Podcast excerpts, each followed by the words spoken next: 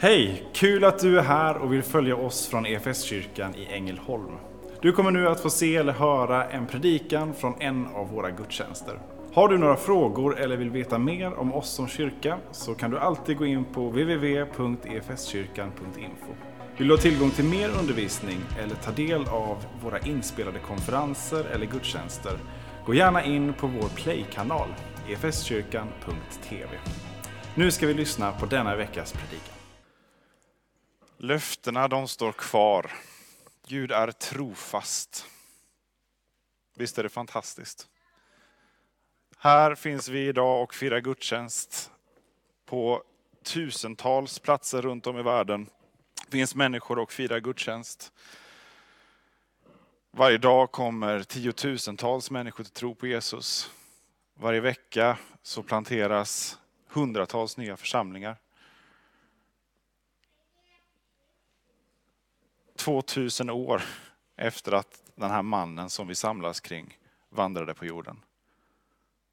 Är inte det ett tecken på Guds trofasthet? Att han står fast. Också när allt annat skakar, när allting vacklar.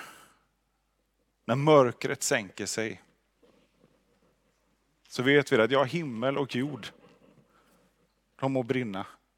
En dag ska det förgås som är under syndens våld. Därför att något nytt ska tränga fram. Det som han har lovat sedan urminnes tider. Att mörkret inte har övervunnit ljuset. Kan inte övervinna ljuset. Ljuset Jesus Kristus. Där har ni anledningen till att vi har det här temat idag. Vem är Jesus? Det kan tyckas så banalt. Ja, det är ju det är inte en söndagsskolenivå. Det är ju liksom introduktionskursen till söndagsskolan. Vem är Jesus? Men vi vill ha det som en ingång till fastan som kommer nu därför att vi vill låta den här perioden fram till påsk få väcka på nytt en fascination och en, eh, en glädje och en kärlek till Jesus. Han som är trofast fastän vi är trolösa. Han som håller igenom allt. Klippan som det håller att bygga på. När allt annat rasar. Vem är denne Jesus? Hur kan vi finnas över hela jorden idag, Jesu efterföljare, och fortfarande envist tro att det är så? Därför att vi har fått en glimt av honom.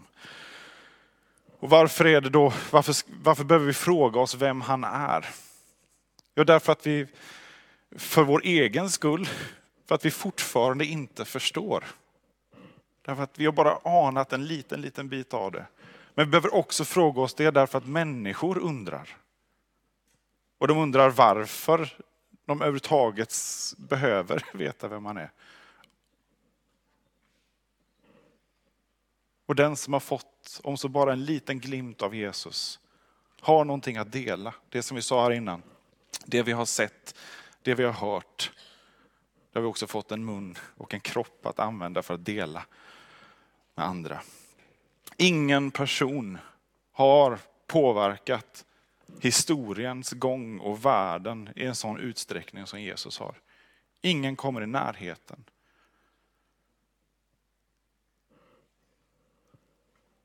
Så bara av den anledningen, vem är Jesus? Kan vi veta det? Är det ens historiskt tillförlitligt det vi har? Är det inte myter och legender? Tror du på Karl den store? Min namne. Tror du på Caesar? Kejsaren. Jag hoppas inte att du tror på det sättet som vi säger att vi tror och följer Jesus. Men visst tror vi att de har funnits och vi litar på det historiska materialet, om än att det behöver tolkas och det kan vara färgat och sådär. Men det historiska materialet för de här personerna, bortanför Jesus i tid och hitom Jesus i tid, är mycket sämre än det materialet vi har om Jesus. Det är världsunikt som historiskt källmaterial. Tusentals kopior av skildringarna i evangelierna och texterna från Nya Testamentet. Tidiga kopior, fragment från bara decennier efter att det skrevs ner. Och det skrevs ner inom livstiden för ögonvittnena som har varit med. Ur ett historiskt perspektiv så är det ett unikt stabilt material vi har att jobba med. Varför är det så svårt för människor då att ta allvarligt på det? Därför att anspråken är så enorma.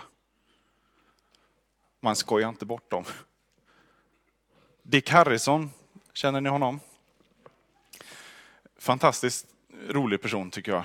Historiker vid Lunds universitet. Och eh, eh, är väl en av de folkligare historikerna vi har. Skriver kolumner i, om det är DN, eh, tror jag. Och han skrev häromåret om, om uppståndelsen, om påsken. Han har skrivit en bok om Jesus. Den finns på Pargamus.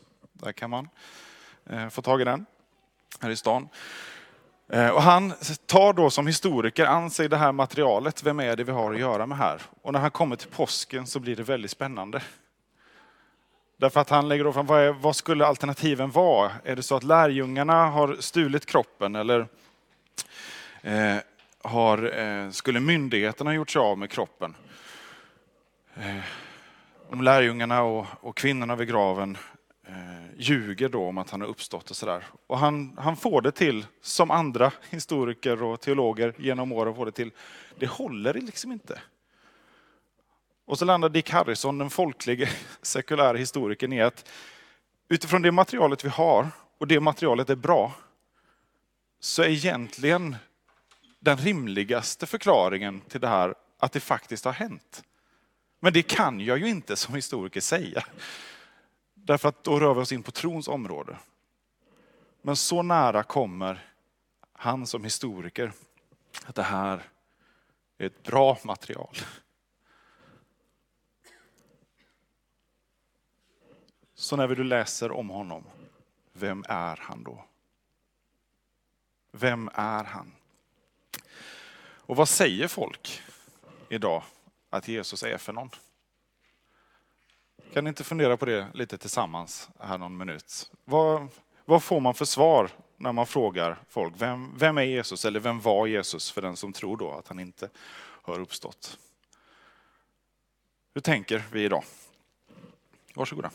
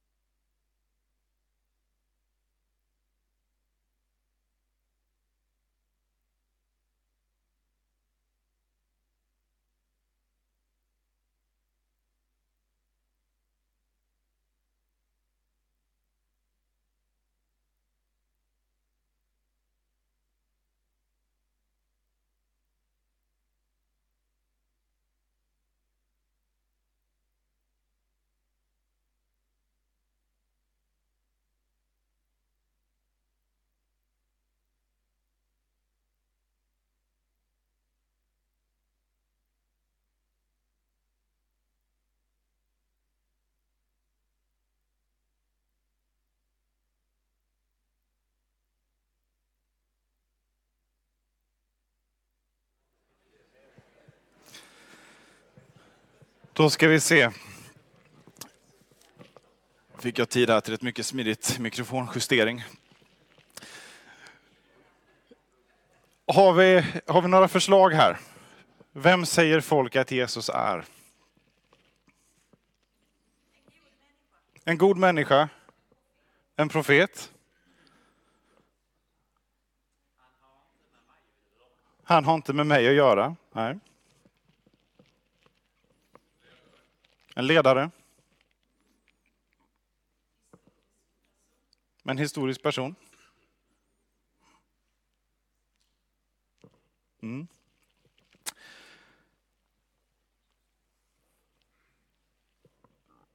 Jag tror att vi behöver få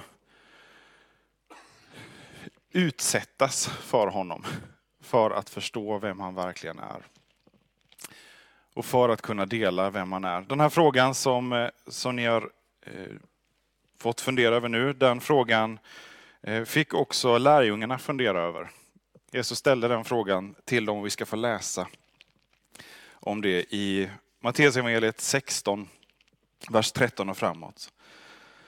När Jesus kom till området kring Caesarea Filippi frågade han sina lärjungar, vem säger människorna att, männi människorna att Människosonen är? De svarade, somliga säger Johannes döparen, men andra säger Elia och andra Jeremia eller någon profet. Och ni? frågade han, vem säger ni att jag är? Simon Petrus svarade, du är Messias, den levande Gudens son. Då sa Jesus till honom, salig är du, Simon Barjona, ty ingen av kött och blod har uppenbarat detta för dig, utan min fader i himlen. Och jag säger dig att du är Petrus, klippan, och på den klippan ska jag bygga min kyrka, och dödsrikets portar ska aldrig få makt över den. Jag ska ge dig nycklarna till himmelriket. Allt du binder på jorden ska vara bundet i himlen och allt du löser på jorden ska vara löst i himlen. Sedan förbjöd han lärjungarna att tala om för någon att han var Messias. Från den tiden så började Jesus förklara för sina lärjungar att han måste bege sig till Jerusalem och lida mycket genom de äldste och översteprästerna och de skriftlärda och bli dödad och bli uppväckt på den tredje dagen. Petrus tog honom då avsides och började förebrå honom och sa, må Gud bevara dig, Herre. Något sådant ska aldrig hända dig. Men Jesus vände sig om och sa till Petrus, håll dig på din plats, Satan. Du vill få mig på fall, för dina tankar är inte Guds, utan människors.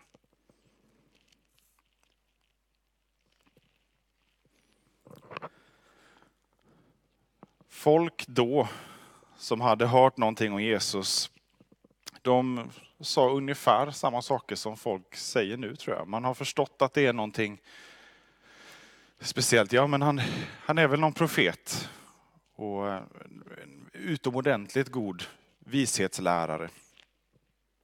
Pedagog lyfter någon lärare fram kanske. Eller erkänd som profet som i islam.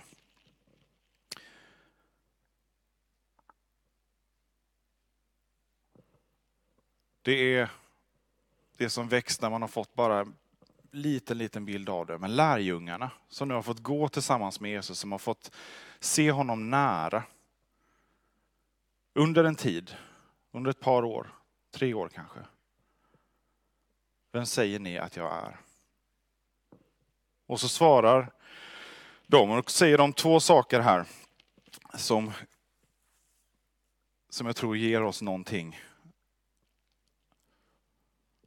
Det första som Petrus säger då är, du är Messias. Det är en häftig bekännelse, men inte så oväntad kanske. De har fått se Jesus tala med auktoritet, de har fått se honom göra under och det finns en förväntan. Och den här förväntan hade brusat upp de senaste decennierna hos det judiska folket. En förväntan på Guds utvalde, på Messias som skulle komma. Och andra hade också redan kommit och fått några följare och sen försvunnit. Men så kommer också tillägget den levande Gudens son. Det är någonting mer än bara en utvald människa. Det här är större än vad vi hade föreställt oss. Och så säger Jesus välsignad är du, salig är du. Det här har inte blivit uppenbarat för dig av kött och blod. Och jag tror att det är viktigt för oss att förstå, när vi, om vi ska förstå vem Jesus är, så kan vi inte förstå det av oss själva. Människan som människa kan inte förstå. Det är en del av vårt problem. Och hur mycket information vi än får, hur många bevis vi än kan få, så leder inte det automatiskt till den bekännelsen som Petrus kommer med. Vi kan ha hur mycket kunskap som helst, men ändå sakna liv. Ändå sakna tro. Det finns människor som ägnat hela sitt liv åt att studera teologi och kan aldrig så mycket om, om Bibelns texter och språk och sådär. Men som ändå inte ställer upp på den här bekännelsen. Människan i sig själv kan inte förstå detta. Vi är begränsade.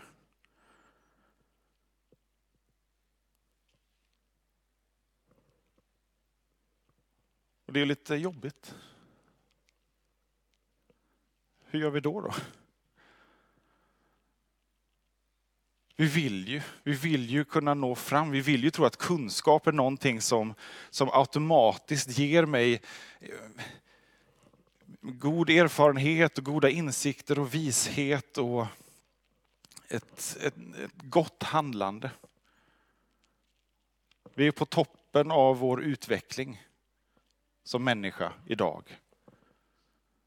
Vad har vi gjort med all den goda kunskap? All den teknik vi har skaffat oss. Det finns en enorm övertro till människans förmåga.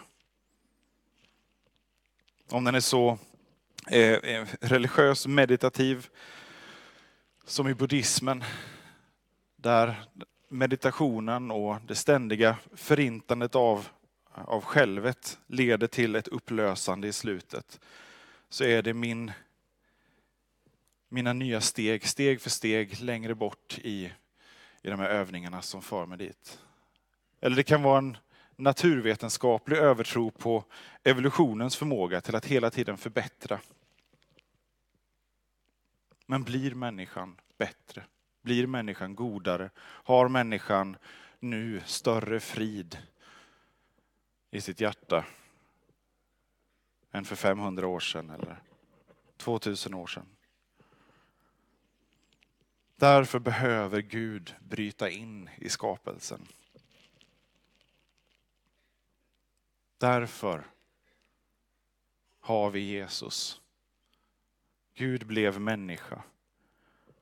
Därför att människan är i mörker och behöver ljus. Människan är bunden i synd och behöver en räddare, en frälsare. Människan är sjuk. Vi kommer inte undan vår sjukdom, den ständiga benägenheten till ondska. Vi behöver en läkare. Människan är ett vilset får och behöver en god herde. Människan är upprorisk och behöver en försonare, en medlare. Därför, därför finns Jesus. Och det här ställer liksom människans agenda på, på ända. Alla mina förbättringsprojekt, all min, mitt hopp som jag har satt till att det ändå kommer lösa sig därför att vi ändå lär oss av våra misstag. Väl? Allt det kan jag bara kasta ut därför att det kommer inte att nå ända fram. Och det här beskriver Paulus som var en väldigt nitisk motståndare till den här rörelsen, som sa att det här är befängt. Det är en falsk Messias, det, kan, det här kan inte stämma. Messias skulle komma och driva ut romarna med, med makt och nu så har er Messias dött och så påstår ni att han har uppstått.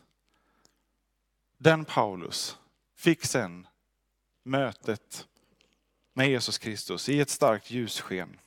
Ljuset kom in i Paulus mörker. I hans våldsamma motstånd. Och han skriver om det här att det här är en dårskap för världen.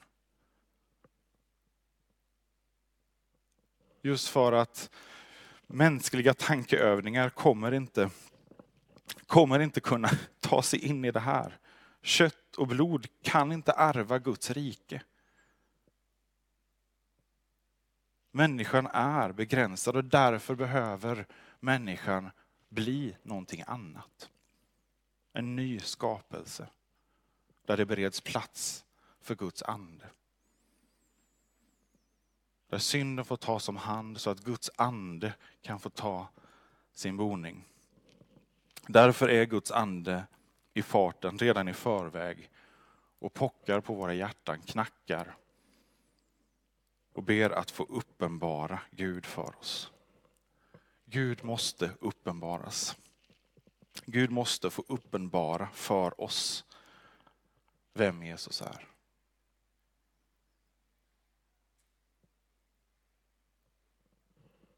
Hans väg in kan vara kunskapen om Jesus. Att få läsa och studera och få ta men det kan också vara uppenbarelse för en som aldrig har hört om Jesus och bara vid den första glimten av Jesus förstår det här måste jag ha. Jag vet inte varför, men jag bara måste ha det här. Där är Guds ande och verkar och verkar i hjärtat. Gud måste uppenbara för oss vem Jesus är. Och du kan fråga dig själv, för att göra det här väldigt personligt. Har Gud uppenbarat det här för dig? Har Gud uppenbarat för dig att Jesus är Messias och den levande Gudens son?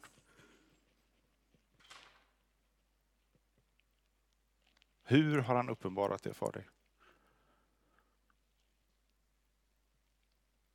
Vilka konsekvenser har det fått?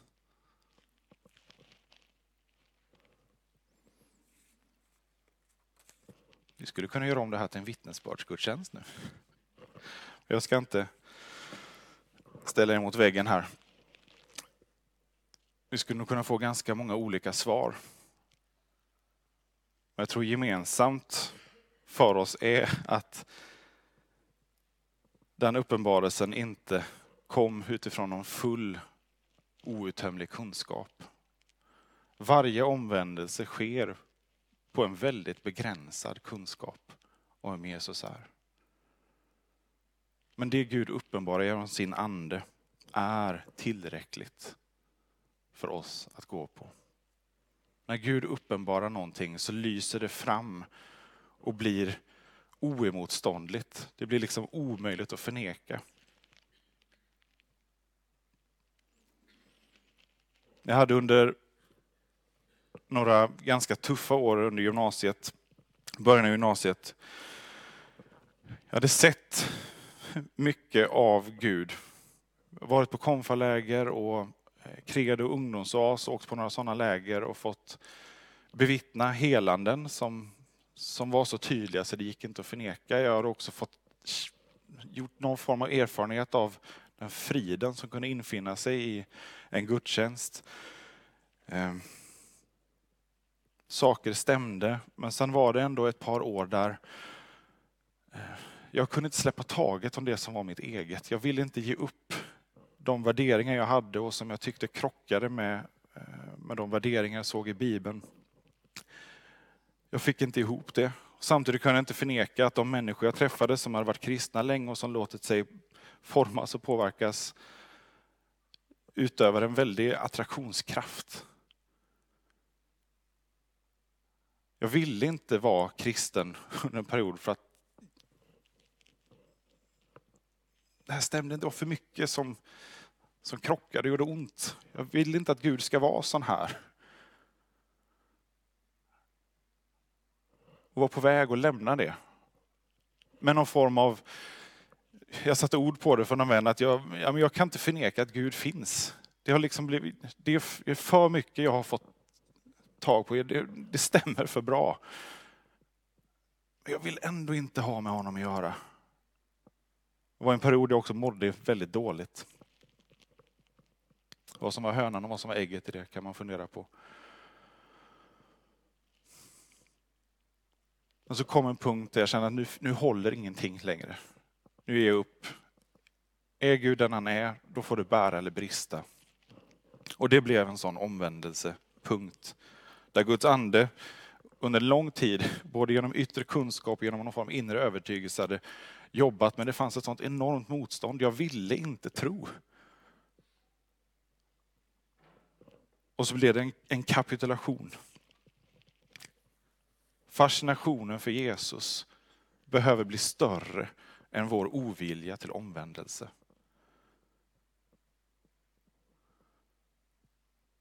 Där skapas möjligheten till omvändelse. När Jesus får trumfa det vi är. Och det är när vi, det händer om vi inte flyr från honom utan låter honom få uppenbara sig för oss. Genom att utsättas för honom. Vi behöver få reda på Jesus, vi behöver få se vad han gör, få höra vad han säger, förstå vem han är. Så att han kan övervinna vårt hjärta. Där sker omvändelsen, där sker kyrkans växt. Där behöver vår bön vara för andra människor. Vi ska, vi ska absolut kunna ge kunskap, vi ska kunna svara på varför kristen tro är trovärdig, rimlig, utifrån ett historiskt perspektiv, naturvetenskapligt, vad det än är. Men Gud måste uppenbara. Och där behöver vår bön vara för vår värld. Att Gud får uppenbara sig för varje människa så att hjärtat inte längre kan fly från det som har blivit uppenbart.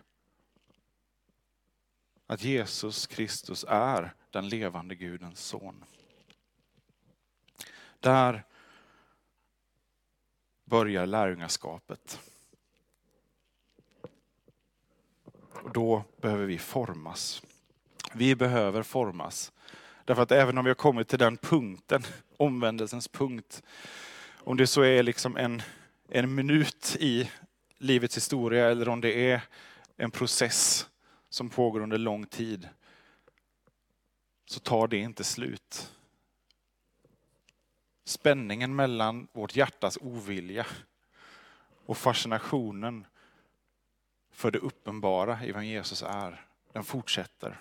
Därför behövs vårt formande och vårt lärjungaskap. Vi har blivit en ny skapelse. Vi är, vi är helt inne. Vi är helt inne. Vi har fått Guds ande som en pant på vårt arv, som säkerhet. Har jag på hur liten kunskap det än har varit sagt, Jesus jag måste, jag måste få ha dig i mitt liv. Och vi har fått bli döpta. Då är vi inne. Därför så finns det så bara enorma möjligheter till växt och lärjungaskap i det. Att ta vårt kors. Därför att segerns väg, framgångens väg om man så vill i samtidens termer, det är korsets väg. Det är därför vi blickar fram mot korset, mot påsken under fastan som kommer här. Det är därför Jesus behöver undervisa om det, därför att det här har Petrus inte förstått. Det är därför det smäller till ordentligt. Petrus och lärjungarna, han talar för dem alla. De följer Jesus. De har sett så otroligt mycket. De har sett saker som vi skulle önska att vi kunde få se, tror jag många gånger. För vi vill ha något väldigt konkret, fysiskt synligt. Så missar vi det enorma, konkreta, synliga som är kyrkan över hela jorden. Kristi kropp. Tänk om lärjungarna fick se det. De var inte bara 12 eller 120 utan det räknade miljoner. Men korsets väg, det är att få formas så att vårt hjärta hela tiden får böjas och bändas till den formen där, där Gud får tala till oss. Och får oss att gå längre och får oss att gå rakt igenom det mörker som, som härskar på så många platser i så många människors liv. Det är inte seger på, på det hurtiga sättet som ibland har predikats. Att det är bara att börja dagen med att uttala att jag lever i seger och sen så lägger sig allting till rätta. Nej, lärjungaskapets väg, segerns väg, det är korsets väg. Jesus uppmanar sen också om att ta, ta ert kors och följ mig. Men vi vill inte det. Vi vill att Jesus ska vara en quick fix. Vi vill ha honom som terapeut eller som en föreläsare som ger tre nycklar till framgång och tillväxt. Eller som ett intressant studieobjekt. Vi vill ha tid över till annat.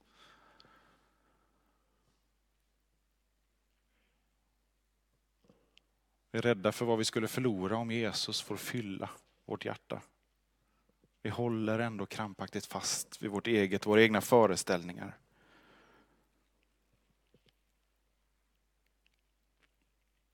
Petrus föreställning om hur vägen till seger och framgång går för Messias var något helt annat än det som Jesus såg. Petrus såg den stora skrällande segern. Det som Paulus också förväntade sig och som gjorde att han först inte såg Jesus. Den segrande Messias, inte den lidande Messias. Och därför så säger Petrus i tron om att Jesus kanske har en dålig dag. Jag kände att nu blir motståndet för kompakt och Petrus han ska muntra upp. Jag har så lätt att känna med Petrus. De har ju sett Jesus göra sådana fantastiska saker. Gå igenom en folkhop som är på väg att döda Jesus. Och nu så börjar Jesus, det är som att han tappar och ger efter. Nej, Gud kommer inte låta dig drabbas av det här. Och här får vi den skarpaste tillrättavisningen som Jesus någonsin ger. Håll dig på din plats, Satan. Det här är inte Guds tankar utan människors tankar. Vi behöver, som Petrus, det tilltalet in i våra liv också. För det smyger sig på hela tiden det sättet som vi vill ha Gud på. Våra Messias förväntningar. På vilket sätt vill jag ha Guds räddning i mitt liv? På vilket sätt vill jag att Gud ska forma mitt liv? Eller på vilket sätt tror jag att kristen tro ska få inflytande och, och framgång i vårt samhälle? Väldigt många gånger människors tankar och inte Guds tankar. Därför behöver Gud inte bara uppenbara för oss det som är sant utan också forma oss, förmana oss.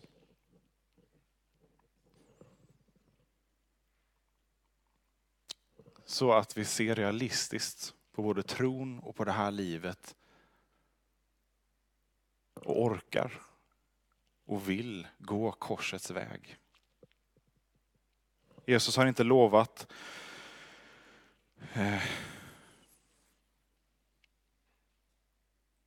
konstant välmående och framgång i allt man tar sig för.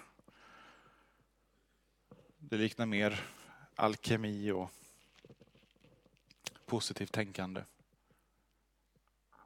Korsets väg. En tro som faktiskt får möta och får befinna sig i lidande i den här världen, i vår tid. Och uppenbarelsen att mitt i det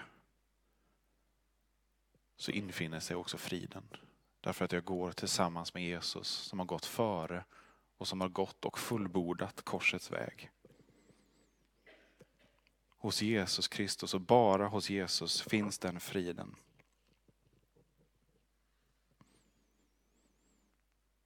Därför gör vi också gott i att lyssna på de som har gått före, de som också har lidit för sin tro. Martyrerna genom åren. När de berättar om lovsången i fängelserna, i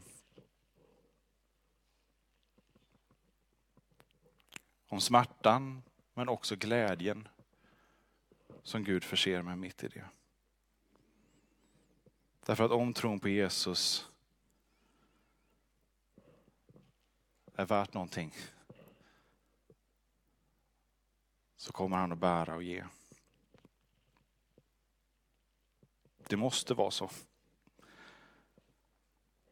C.S. Lewis har sagt att det finns bara tre alternativ med Jesus. Utifrån det materialet vi har, som är godkänt av Dick Harrison. Jesus kan vara kanske bedragare. Det finns ingenting som pekar på det. Karaktären som framträder när psykologer läser evangelierna. Det här är inte en bedragare. En person som är beredd att dö för sanningen. Ett annat alternativ kanske skulle vara att han är galen, att han har vanföreställningar. Messias-syndromet som människor drabbas av ibland när man reser till Jerusalem. Mm speciell avdelning på psykiatrin där för att ta hand om människor som drabbas av religiös vanföreställning. Ingenting pekar på det heller. Jesus är sammanhängande, koherent. Då finns bara ett alternativ kvar. Att han är den som han säger att han är.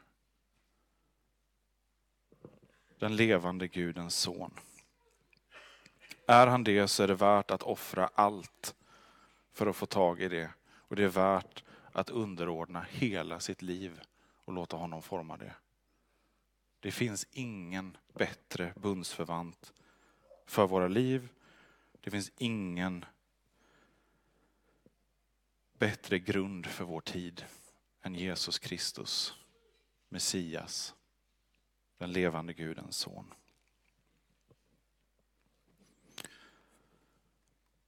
Som kyrka är det en glädje att få spela en liten roll av allt Gud gör i och genom ditt liv.